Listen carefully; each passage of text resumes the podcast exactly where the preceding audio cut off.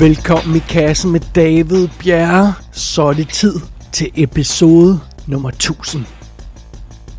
Det er sandt. Efter lidt over 9 års i kassen, så er vi nået til episode nummer 1000.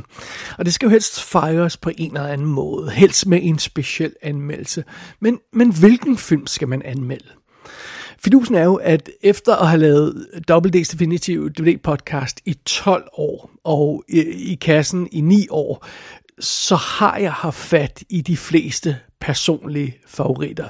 De, de fleste af de film, der betyder mest for mig, har jeg anmeldt på en eller anden måde. Så vi bliver nødt til at finde på noget andet i, i den her episode. Men det vi skal finde på, det skal jo være en eller anden form for speciel film. Hvad med en film, der har en speciel plads i filmhistorien? Hvad med den første film, der nogensinde vandt en Oscar for bedste film? Det er da en film, der er, øh, der er værdig til at blive i kassen episode nummer 1000. Det, det skulle jeg da mene. Så det er filmen, vi har fat i nu. Den er fra 1927 og har den simple titel Wings.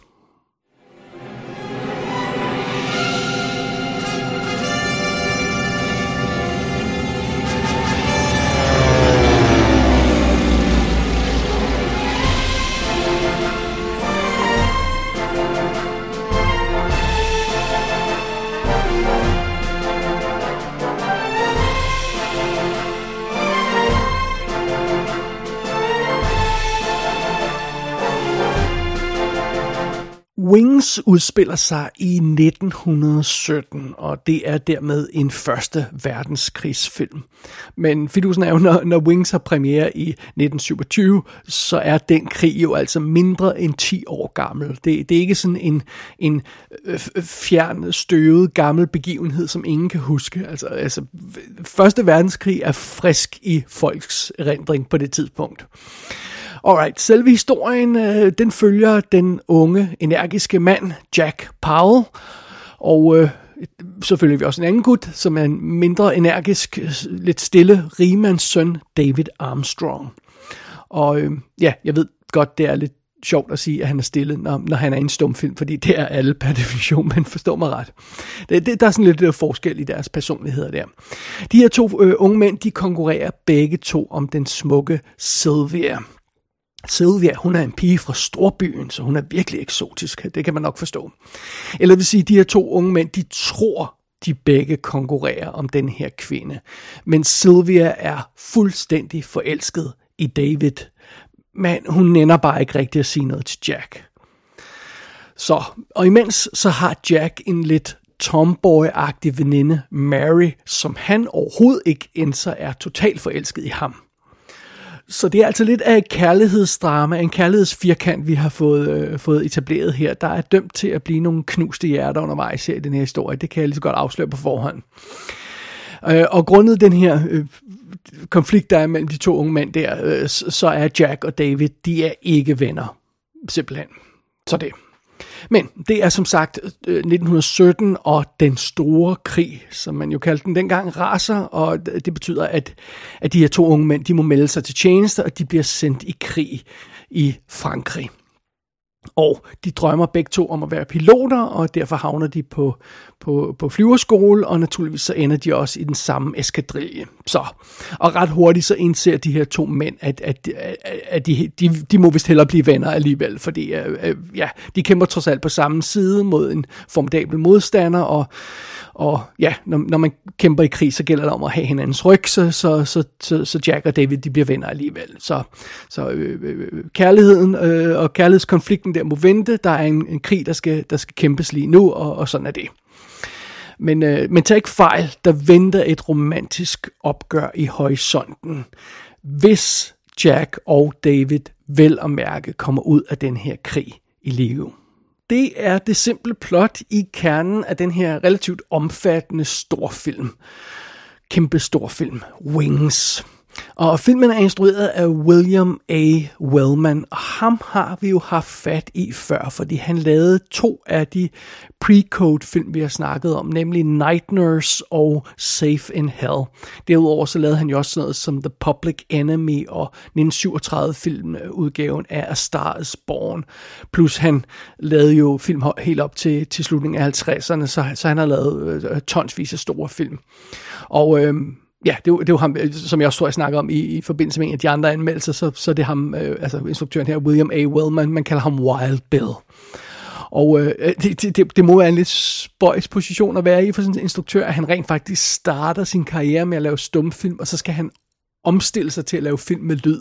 Det er jo en rimelig radikal omstilling, må man sige, og også det, det gør en del ved filmsproget og, og, og, og i scenesættelsen af scener, sådan noget, at man pludselig skal have lyd på, og skulle have vendt sig til ikke at have lyd på før, så, så, så det, det er meget spøjst. Og øh, fidusen med, med ham her, øh, William Wellman, det er, at han var selv pilot i krigen, så det er der, for han har erfaring med at flyve, og det er derfor, han bliver sat til at, at lave den her kæmpe storslået øh, flyverfilm, som det jo er, Wings, og åbenbart så, så, ja, han klarede det jo fint med den her film, og, og, og så fik han godt rygte baseret på den film, og åbenbart så ville Howard Hughes rent faktisk have ham til at lave Hells Angels, filmen, hans, hans store flyverfilm der, som, som endte med at komme ud i 1930. Men øhm, øh, William Wellman, han nåede at lave Wings, og så lavede han The Legion of the Condemned i 1928, som også er en flyverfilm, så han, han var træt af, af flyverfilm på det tidspunkt, så han endte med ikke at lave Hells Angels. Det kunne ellers have været noget af en double whammy, både at lave Wings og Hells Angels, men øh, sådan skulle det ikke være. Alright, lad os kigge ned over den her rolleliste. Der er altså mange af de her skuespillere, som jeg blank må kende, jeg ikke kender, og som, som ikke havde lavet noget, jeg rigtig havde hørt om. Så, og det er blandt andet Charles Rogers, eller Charles Buddy Rogers, der spiller hovedrollen som Jack Powell, og, og som nogle gange bliver krediteret som John Powell i stedet for. Det står nogle steder, øh, nogle steder står det ene, nogle steder står det andet, en lille smule forvirrende. Det fik jeg aldrig rigtig styr på, men det, sådan er det. Og øh, den anden hovedrolle, øh, Richard Arlen, spiller David Armstrong. Richard Arlen har man måske stødt på i nogle, nogle andre ting, som for eksempel Island of Lost Souls i 1932, eller 1959 øh, westernfilmen, der hedder Warlock. Og det er så de to venner i centrum af historien. Så har vi pigerne, de kæmper om. Den ene er Mary Preston, altså den søde tomboy-pige der, som, som, som ikke rigtig kan få øh, Jacks opmærksomhed. Hun bliver spillet af Clara Bow, og hun havde jo en, altså hun var, hun var jo datidens største stjerne, kæmpe, kæmpe stjerne, Clara Bow. Øh, øh, hun var the it girl, som man kaldte hende, og hun, hun havde en kæmpe, kæmpe karriere, der altså kørte sådan fra cirka 1922 til 1933. Så, så vi er lige midt i den karriere. Hun, hun er the hottest af the hottest shit, og hun bliver også ofte krediteret, første krediteret for filmen, selvom, selvom det er en, en birolle, hun har. Den anden kvinde, Sylvia, bliver spillet af Jobina Ralston, et spøjsnavn. Hendes karriere sluttede i 1931, så hun fortsatte altså heller ikke øh, særlig meget længere efter den her film, men hun lavede kortfilm helt tilbage fra 1919. Øh, derudover møder vi selvfølgelig diverse øh, øh, øh, soldaterkammerater og, og militærfolk. Der var ikke nogen af dem, der sådan er vanvittigt kendte Richard Tucker spiller en air commander, øh, som, som de sveder på, og det, det er meget sjovt, når man, når man kigger på nogle af de her skuespillers CV'er, så, så strækker det altså ret langt tilbage. Ham her, Richard Tucker, han har lavet kortfilm siden 1911. og han dukker blandt andet op i en 1933 film Midnight Mary med Loretta Young, øh, som, som er en af de her øh, pre-code film. Øh, vi møder øh, Davids far og mor, bliver spillet af Henry B. Øh, Walthall og Julia Swain Gordon, som henholdsvis har 327 og 236 credits på IMDb. Så det er sikkert også nogen, man burde kende, hvis man ser mange af de der gamle film, som er sådan stumfilm og, og, og, og tidlig 30'er film. Sådan er det. Og så har vi i en ganske lille rolle, der vidderlig er under halvandet minut. Cadet White er en karakter, vi møder, bespillet af Gary Cooper. Og der er nogle fantastiske historier om, øh, om hans, hans bidrag til den her film, som virkelig var åbenbart filmen, der, der, der gjorde, at han fik en, en, en karriere, på trods af, at han kun har en scene i, i filmen med Gary Cooper. Det er meget sjovt. Og lad mig ikke træde mere rundt i den her rolleliste, fordi øh, jeg skal være helt ærlig, som, som jeg nævnte tidligere, jeg, jeg kender ikke nogen af de her skuespillere, og de er ikke så vigtige for historien. Så lad os hellere kaste os videre over selve filmen Wings.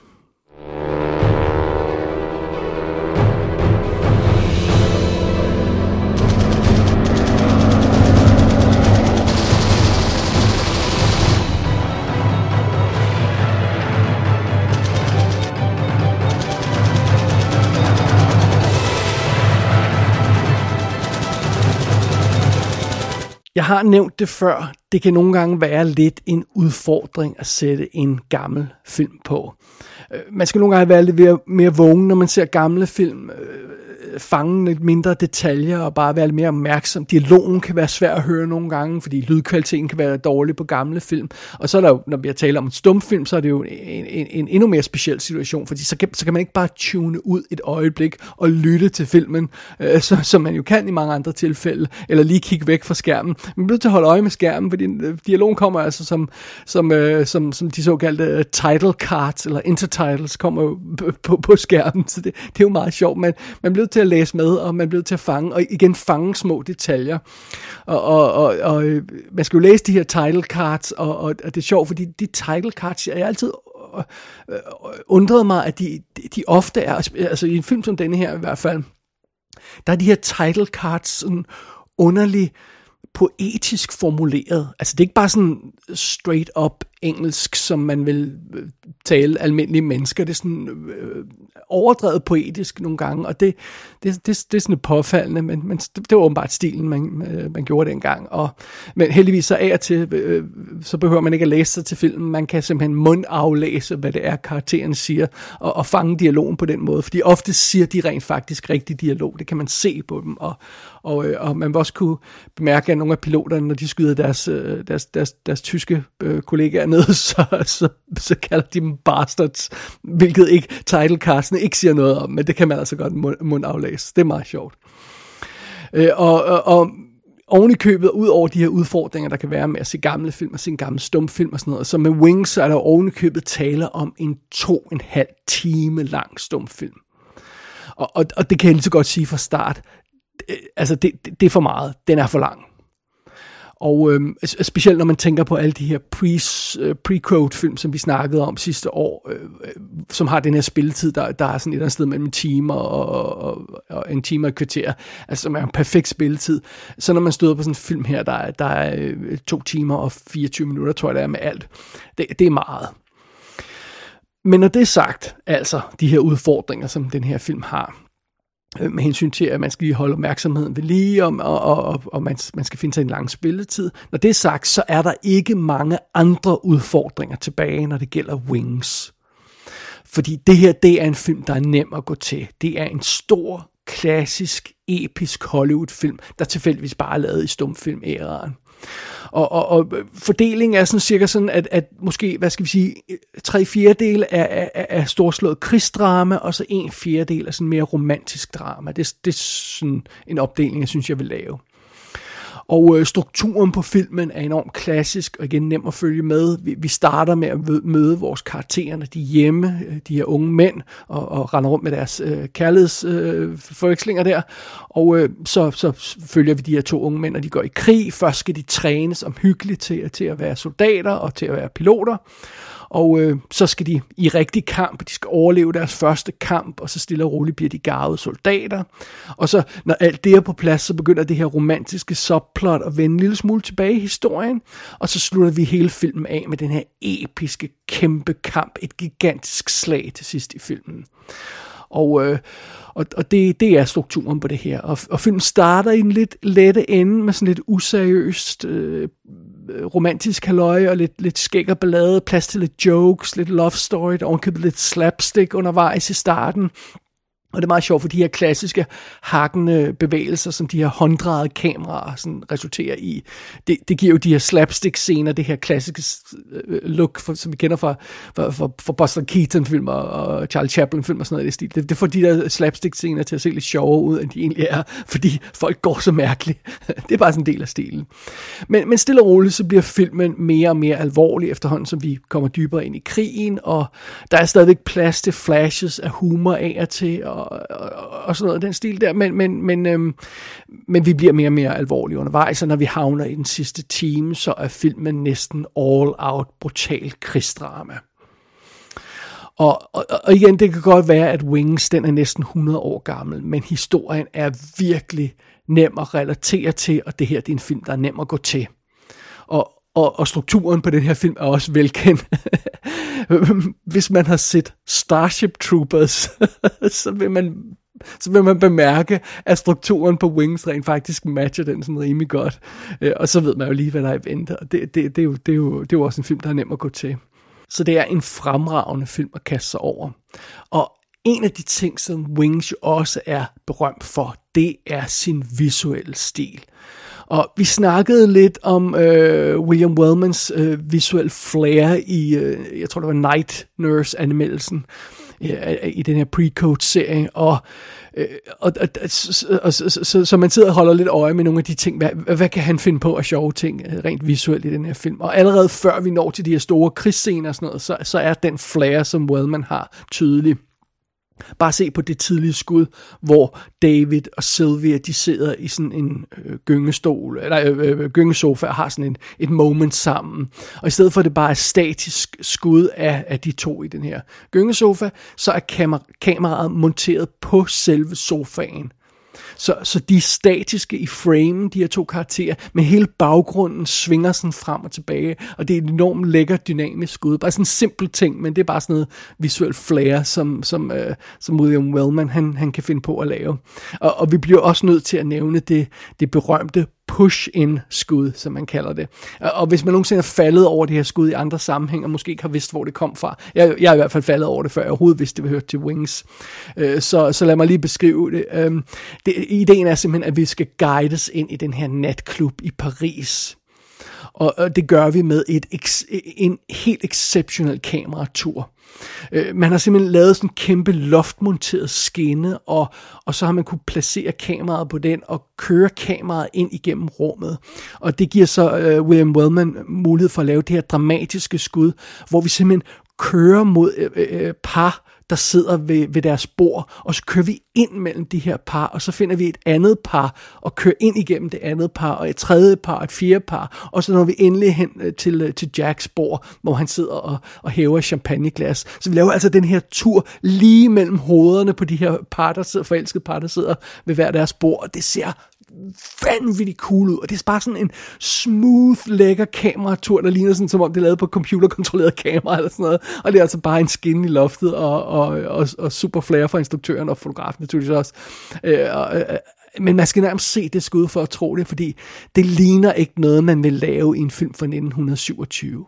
Altså, det, det er så fedt et skud, og der er også andre øh, fede skud i den her film, der, der passer lidt ind i den kategori. Øh, der er også andre ting, som, som sådan er visuelt flair og sådan noget, som, som jeg egentlig ikke troede, man ville se i en 1927-film. Øh, for eksempel er der en flashback-scene. Det var bare sådan noget, øh, det kommer sådan lidt senere i filmen, så er der flashback til tidligere i filmen, og det troede jeg egentlig heller ikke øh, var noget, man ville se i den her type film. Og, og jeg må og så åbenbart bare kende, jeg kender ikke flashbackets historie særlig godt, fordi apparently, så er der rent faktisk et flashback i The Great Train Robbery-filmen fra 1903. så, så det er altså mig, bare mig, der ikke har styr på, hvornår man begynder at bruge øh, flashback, øh, for det overrasker mig en lille smule. Men, men øh, alligevel, jeg synes alligevel stadig lidt, lidt, lidt overraskende avanceret filmisk greb at bruge på det tidspunkt, man, man gør i Wings her. Øh, og på, på ting, man ikke troede, man ville se i en, en film fra 1920. Jeg var altså heller ikke forberedt på, at jeg skulle se en topløs Clara Bow her i filmen. Øh, det er ganske vist kun et meget hurtigt glimt, men, men, øh, men, men det, det troede jeg heller ikke, filmen ville finde på. Det, det virker ikke som den type film, hvor, hvor der skulle være en, en, en topløs pige på et tidspunkt, men, men det, det er der altså. Det var, det var altså The It Girl, der lige smed toppen der for, for, øh, for, for, at give lidt ekstra guf til filmen, så det er jo fint nok. Men naturligvis så får vi det meste øh, visuelle flair og, og øh, alle de her guffenamskud, dem får vi i forbindelse med de store krigsscener og luftkampe, som, som kommer i filmen, når vi, når vi først kommer lidt ind i plottet. Og bare lige for en god skyld, øh, ordens skyld, inden jeg, inden jeg glemmer det, så lad mig lige nævne fotografens navn. Han hedder Harry Perry, og han skød rent faktisk også Hells Angels for Howard Hughes der i 1930. Så, så, så, så er det på plads, fordi han skal selvfølgelig også have noget credit for, for fotografering. Det er ikke bare instruktøren William Wellmans idé, det her. Og en omstændighed, Vores to helte i, i centrum af den her historie, de er jo piloter, og en stor del af filmen fokuserer på deres bidrag til krigen. Vi er med dem, når der, der skal slås, og, og det, det betyder altså, at vi er med i adskillige store luftslag, eller dogfights, som man jo også bare kalder det. Og øh, de her øh, dogfight-sekvenser er insane. De er fuldstændigt vanvittige. Man gør basically i denne her film, hvad Tom Cruise gjorde i Top Gun Maverick. Det er bare endnu vildere i Wings. Alle flyvescenerne i den her film er skudt i virkeligheden. Øh, alle fly til fly luftkampene er skudt i virkeligheden. Alle fly til, til jordkampene er skudt i virkeligheden. Når flyene styrter ned, så er det ofte også et rigtigt fly, der styrter ned med en stuntpilot ombord. Øh, øh, så det er også skudt i virkeligheden. Det, det er vanvittigt. Hver gang vi ser en skuespiller i et cockpit, der flyver et fly, så er det skuespilleren selv, og det er også ham, der flyver flyet. What the actual fuck? Og det er naturligvis ikke noget problem, hvis man er stuntpilot og ved, hvordan man flyver øh, et fly, og så spiller man en eller anden tysk pilot, og så, så er det fint nok. Men der er jo altså også rigtige skuespillere i den her film, som, som ikke nødvendigvis har piloterfaring. Uh, Richard Arlen uh, som spiller, spiller David, han havde åbenbart erfaring fra luftvåbnet, så han kunne godt flyve et fly. Men uh, Charles Rogers, som spiller uh, Jack, han, han måtte altså lære at flyve til den her film. Og, og det er vidderligt de rigtige skuespillere, der sidder bag roret i rigtige fly, der flyver gennem luften, når vi ser nær, nærbilleder. Og man kan jo se at det er dem, og man kan se, at de flyver, fordi øh, den her type fly, man flyver med på det her tidspunkt, det er de her øh, dobbeltvinge øh, ting, øh, hvor man har sådan et åben cockpit og sådan noget. Så, så, så når vi har et nærbillede af piloten, så kan vi se alt bag ham. Vi kan se hele himlen bag piloten. Og inklusiv eventuelle fly, der jager ham i øjeblikket. Så hvis en eller anden pilot bliver jaget af tre fly, så er det altså en skuespiller, der sidder i et rigtigt fly og flyver væk fra tre andre fly, der er i baggrunden. That's it. Øh, og, og, og, og ikke nok med det, ligesom det var tilfældet i Top Gun Maverick, så bliver nogle af skuespillerne altså nogle gange nødt til at styre deres eget kamera, fordi det er altså fastmonteret i deres fly, og så bliver de nødt til at, at, at starte og stoppe det selv, og sørge for at få deres egne øh, nærbilleder, og hvis det ikke er dem selv, der skal starte og stoppe kameraet, så sidder der en kameramand i sædet foran dem, og dækker deres view, øh, og styrer kameraet, øh, men sidder baglæns, øh, baglæns og, og, og vender mod, mod øh, skuespilleren, der spiller piloten. det er vanvittigt. Når man hører nogle af de her historier om, hvordan den her film er lavet, og ser nogle af de skud, de har, de har lavet i filmen, så tror man, det er løgn. Altså, der er et skud, hvor en tysk pilot, han bliver ramt og styrter ned. Og vi ser det det moment lige på hans cockpit, altså close-up af den her øh, skuespiller, som er en stuntpilot, øh, med, med hele himlen igen bag ved ham og sådan noget. Og, og vi ser, han, der kommer fly, vi ser, han bliver ramt, og blodet sprøjter ud af hans mund, og han mister bevidstheden og falder sammen, og så begynder hans fly at gå sådan ind i et spin og, og, og, og dreje rundt og styrte ned. Og det er skudt for real. Det, det, det, det, det er en, den stuntman, der sidder i det der fly og styrer det der fly. Han lader som om, han besvimer, og, og så begynder han at sætte sit fly ind i sådan en rotation. Og, så, og man kan jo se himlen bagved, den bare tonser rundt og drejer rundt og sådan noget, og, og så styrer der flyet ned mod jorden. That happened. altså det, det man, man tror, det er løgn igen. Og, og en ting er, er de her øh, cockpit nærbilleder, noget andet er de her fly-til-fly kampe i luften, som jo altså også er lavet real for real, øh, hvor de flyver rundt i, i virkeligheden i, i luften. Og jeg tror, det eneste, der ikke er virkelig i den forbindelse, det er kuglerne, de skyder med, men alt andet er nærmest virkelig, øh, mere eller mindre i hvert fald, og øh, heller ikke, når de bliver skudt ned. Øh, men altså, det er, nogle, det er nogle fantastiske og dramatiske og dynamiske skud, og det, det ser så fucking fedt ud. Øh, når, når, når et fly bliver skudt ned, så, så, så det kan godt være, at, at ja, så bliver naturligvis, motoren bliver naturligvis ikke rigtig ødelagt, men der skal jo komme røg ud af det hele, og, og, øh, og det må, øh, det, det må øh, stuntpiloten altså også sørge for. Altså, så stuntpiloten må, må fungere, at flyet øh, mister, man, man mister kontrol med flyet, det begynder at styrte ned, samtidig med, at de skal aktivere sådan en der sørger for, at den her tykke røg, der kommer ud af flyet, og, øh, og oven i det, som bare for at sælge illusionen, så har man altså også håndmalet orange ild på nogle af skuddene i, i de her sekvenser, det, som ser helt vildt cool ud. Øh, det, det har stadigvæk helt overblik over, hvordan man gjorde det engang, må jeg tilstå. Det ser vanvittigt fedt ud. Der er også adskillige POV-skud af, af nogle af de her flysekvenser, eller POV-skud er det jo så ikke helt, fordi kameraet er placeret bag piloten, så vi har piloten i, i midten af frame, og så kan vi se alt, hvad han ser, når han går direkte i kamp mod andre fly, eller øh, når han, han går i kamp mod soldater på jorden, og bare tonser ned mod de her soldater, og fræser hen over dem og sådan noget. Det, det er vanvittigt. Og, og en ting er, at de her actionsekvenser i, i Wings er, er virkelig en, en stor teknisk bedrift og fungerer virkelig godt rent teknisk, men de er også virkelig medrivende og dramatiske og nervepirrende. Det virker virkelig. Altså man bliver reddet med af det her drama. Det er ikke bare sådan, åh, oh, det er en cool stuntsekvens. Det er bare sådan noget, det er en cool scene, det her. Altså, man, man, man, man, bliver, man bliver investeret i det hele, fordi det ser så real ud, det ser så dramatisk ud. Og, og, og ja, der er så meget good stuff af den slags i Wings.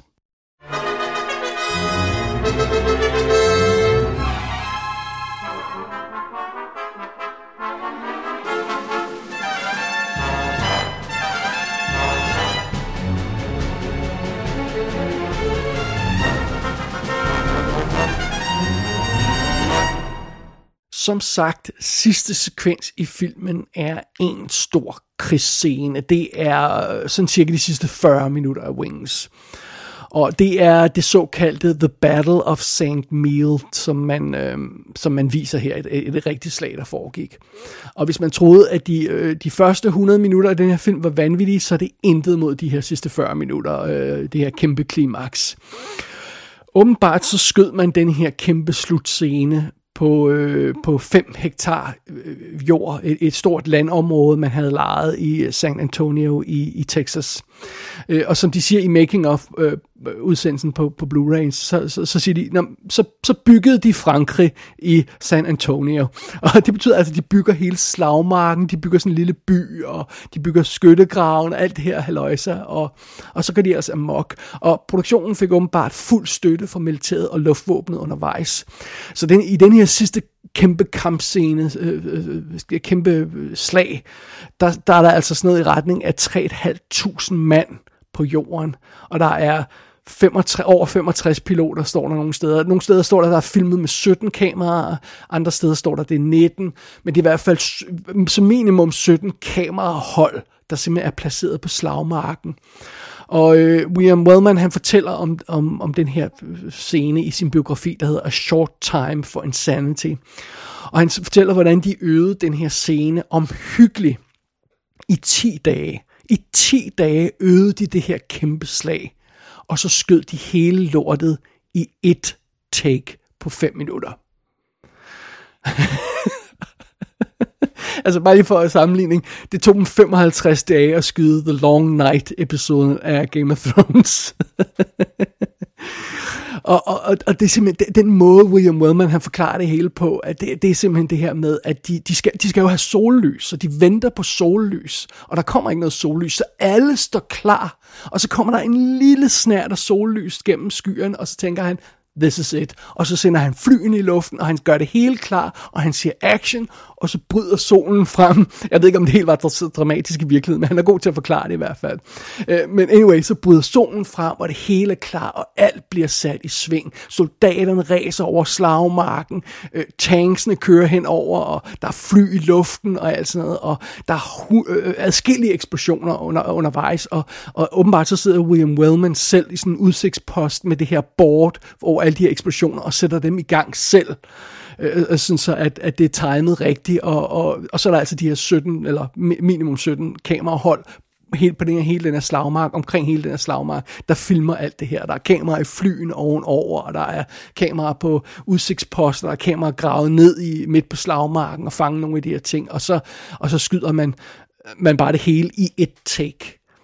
Og det lyder som det rene vanvid, men selve sekvensen er altså ikke vanvid.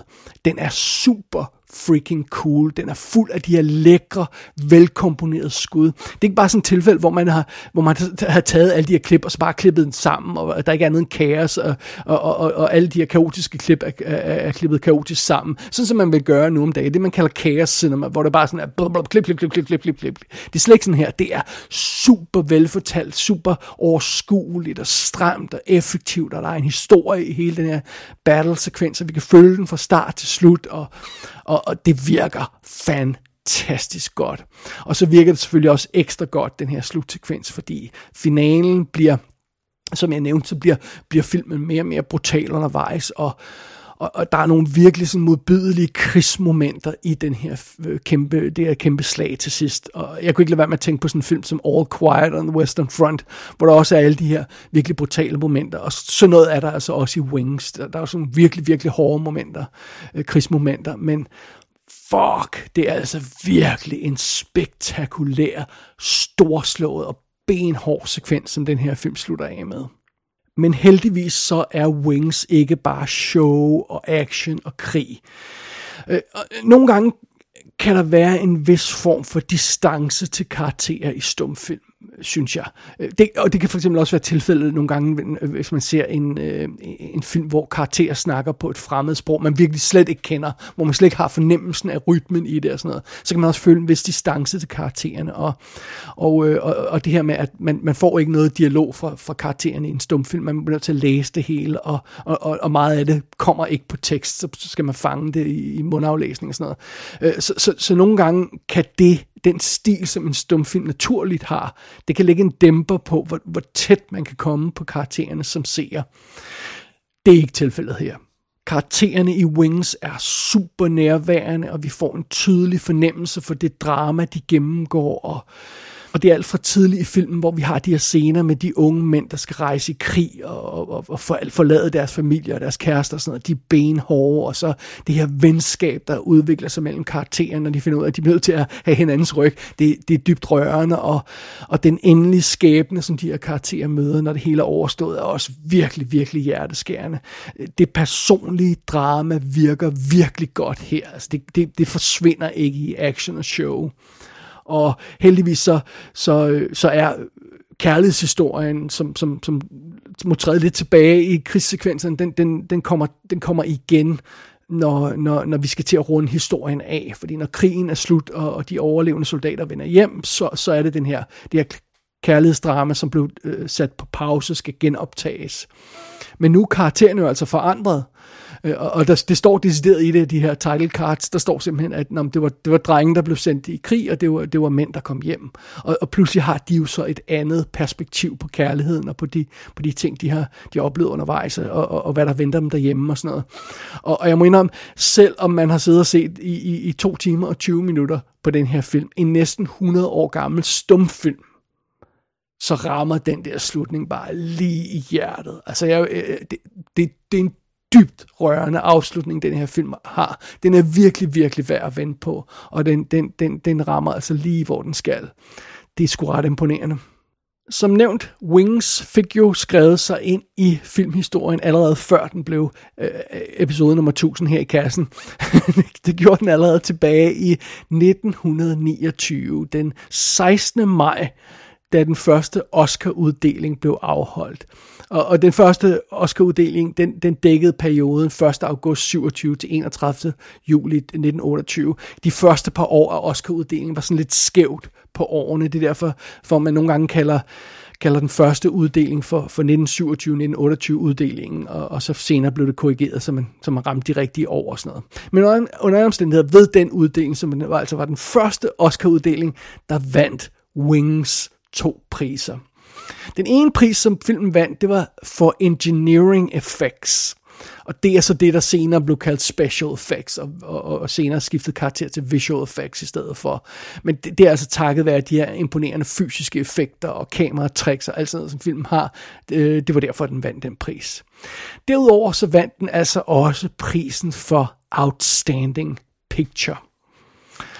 Og det er bedste filmprisen. Øh, øh, og oprindeligt hed prisen jo Outstanding Picture, men, men øh, altså, i, ved 1929-1930 uddelingen skiftede den navn til Outstanding Production. Så i 1941 skiftede prisen navn til Outstanding Motion Picture. Så i 1944 skiftede prisen navn til Best Motion Picture, og så i 1962 der skiftede prisen navn til Best Picture, og det er det, det navn, den har haft siden den pris. Så det var den pris, Wings vandt, som den første film nogensinde, Best Picture-prisen. Det skulle meget imponerende. I øvrigt så en anden 1927-film, som også har en, en, en plads i filmhistorie, det er Sunrise. Og den vandt for Unique and Artistic Picture det er en anden slags bedste filmpris, som man havde dengang, og den blev altså kun uddelt det første år. så droppede man den. Men, øh, men, men, øh, men så er det. Okay, fair nok. Så, så, så, så det er fedt. Øh, desværre så kan jeg ikke engang øh, spille et lydklip fra Oscar-uddelingen, hvor Wings vandt, fordi det er åbenbart den eneste Oscar-uddeling, der hverken blev optaget på film eller lyd. Allerede for andet år, der begyndte man at optage den på lyd, og jeg tror også, det var der, man begyndte at sende det live øh, i radioen, men, øh, men, men det gjorde man altså ikke første år. Så, men et eller andet sted, så er det jo meget passende, at der ikke eksisterer noget lyd fra fra det år, hvor den eneste stumfilm, den eneste rigtige stumfilm, vandt Oscar for bedste film. Det, det synes jeg, det synes jeg er, er meget passende et eller andet sted. Wings var en kæmpe satsning for Paramount i 1927. Filmen var vanvittigt dyr. Den kostede 2 millioner dollars i 1927. Og, og det er altså øh, det er altså det dobbelte af, hvad en dyr film vil koste på det tidspunkt. Den vil koste en million dollars. Den kostede 2 millioner dollars, den her. Og, og, og, og film var også en satsning, fordi man prøvede at gøre ting, der aldrig var gjort på film før. Man prøvede virkelig at fange det her med, med air-to-air combat og sådan noget med, med rigtige fly. Og, og instruktøren bag filmen var ikke sådan et super etableret navn, og, og, og, og man vidste, vidste egentlig ikke rigtigt, om han kunne pull it off, uh, William Wellman. Det gjorde han jo altså. Uh, så, så, så den her satsning, som, som han lavede på Wings, den gav altså bonus. Uh, Wings var et kæmpe finansielt og kunstnerisk hit. Og, øh, øh og det er jo, altså, den har jo en unik plads i filmhistorien, fordi det er den eneste film i verden, der har den ære at have vundet den første bedste film Oscar. Det er der, kan der per definition ikke være andre film, der, der deler den ære af.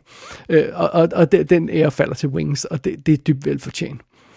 Og jeg indrømmer blankt, jeg ser ikke stumfilm normalt. Jeg, jeg, jeg finder det meget svært at komme igennem stumfilm om og, og igen det her med, at jeg føler en vis distance til, til karakteren nogle gange.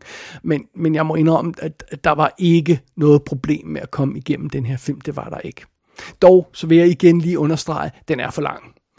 Øhm, og og det, det, det eneste, der stopper mig for at lave sådan en, en fuldstændig øh, klokkeklar anbefaling til alle på at se Wings, det, det er spilletiden. 140 minutter plus, det er for meget. Og, og, øhm, og der er specielt en, halvskør sekvens øh, midt i filmen, der godt kunne undvære, så, som man godt kunne trimme lidt af. Men, men bortset fra det med spilletiden, så er Wings fantastisk. En spændende film, super flot og dybt rørende. Virkelig en, en, en, en, en fantastisk stor film. Kort tid efter Wings havde premiere, så skete der jo simpelthen det, at der begyndte at komme lyd på filmen. Så samme år som Wings vandt sin bedste film Oscar, så fik The Jazz Singer en speciel Oscar for sin revolutionerende lydproduktion. Og det var jo starten på slutningen for stumfilmene. Øh, få år efter, så blev der stort set ikke lavet nogen stumfilm. Altså, vi, når vi rammer 1930, så, så er stumfilmen gone, mere eller mindre. Der, der er stadig et par enkelte stumfilm øh, her og der, og, og, og øh, Øh, der, har, der har også været, altså, man laver jo stadigvæk stumfilm af og til sådan moderne stumfilm for sjov. Altså, det er jo ikke så lang tid siden, vi havde øh, en, en, en slags stumfilm i kassen, som var No One Will Save You, hvor der, hvor der øh, stort set ikke var noget dialog i. Og der var selvfølgelig også The Artist, som, som vandt en, en, en, en, en bedste film Oscar, som jo også var en stumfilm, og mere eller mindre, men det er jo sådan en moderne stumfilm, så der bliver samtidig, så der er lydeffekter, der bliver sagt enkelte ord i de der film. Der er ikke nødvendigvis de her title cards på, som vi kender fra stumfilm, så jeg ved ikke, om det er helt legitime stumfilm. Og, og igen, som jeg også nævnte i forbindelse med No One Will Save You, John Woo har også sin seneste film på vej, Silent Night, som også er en stumfilm. Og, og så, så, så, der bliver stadigvæk lidt, øh, lidt lavet lidt, lidt stumfilm, om jeg så må sige. I hvert fald dialogfri film, lad os sige det på den måde. For, for alt andet lige, så er, så, øhm, så er Wings en af de sidste store stumfilm, og, og nogle gange så bliver den kaldt den, den sidste store stumfilm. Øh, øh, der er andre, der mener, at det, det er modern times og sådan noget, men, men det, det kan man altid diskutere. Øh, under alle omstændigheder, det er en unik film, det her. Og det er bestemt en film, der er værdig til at få æren til at være episode nummer 1000 i kassen. Det her, det var et rigtig godt valg til den post. Så That's it. Det er simpelthen det. I kassens episode nummer 1000 er done. Vi er klar til de næste 1000 anmeldelser. jeg, jeg har allerede legnet et par af dem op, og jeg kan, jeg kan godt love, at de er, de er super episke. Så, så, så, så bare roligt, der, der er mere good stuff på vej. Så tusind, tusind tak for at lytte med til den her anmeldelse. Og, og tusind tak for at lytte med til alle de andre anmeldelser. Det er sådan set lige meget, om du har lyttet til et par episoder af i kassen, eller alle tusind episoder. Det er bare fedt, hvis du har lyttet med på et eller andet tidspunkt. Og øh, med de ord, så lukker vi ned for denne her anmeldelse nummer 1000, og episode nummer 1000 må jeg hellere kalde den, fordi vi har jo lavet lidt dobbelt øh, anmeldelser her og der, sådan øh, double features, så, så, så vi kalder det her episode nummer 1000, og således er vi klar til episode nummer 1001.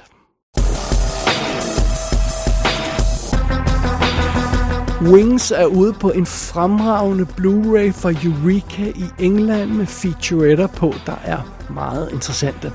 Gå ind på ikassenshow.dk for at se billeder fra filmen. Der kan du også abonnere på dette show og sende en besked til undertegnet. Du har lyttet til I Kassen med David Bjerg.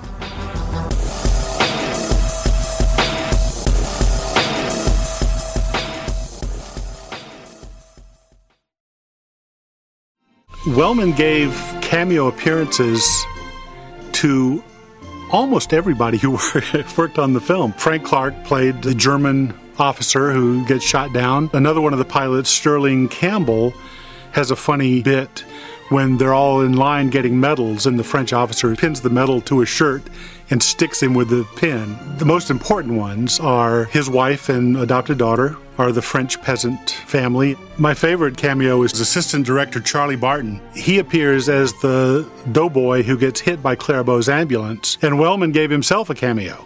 He plays a doughboy in the Battle of San Miguel. He's shot down and then dies. Uh, dies very operatically, I must say.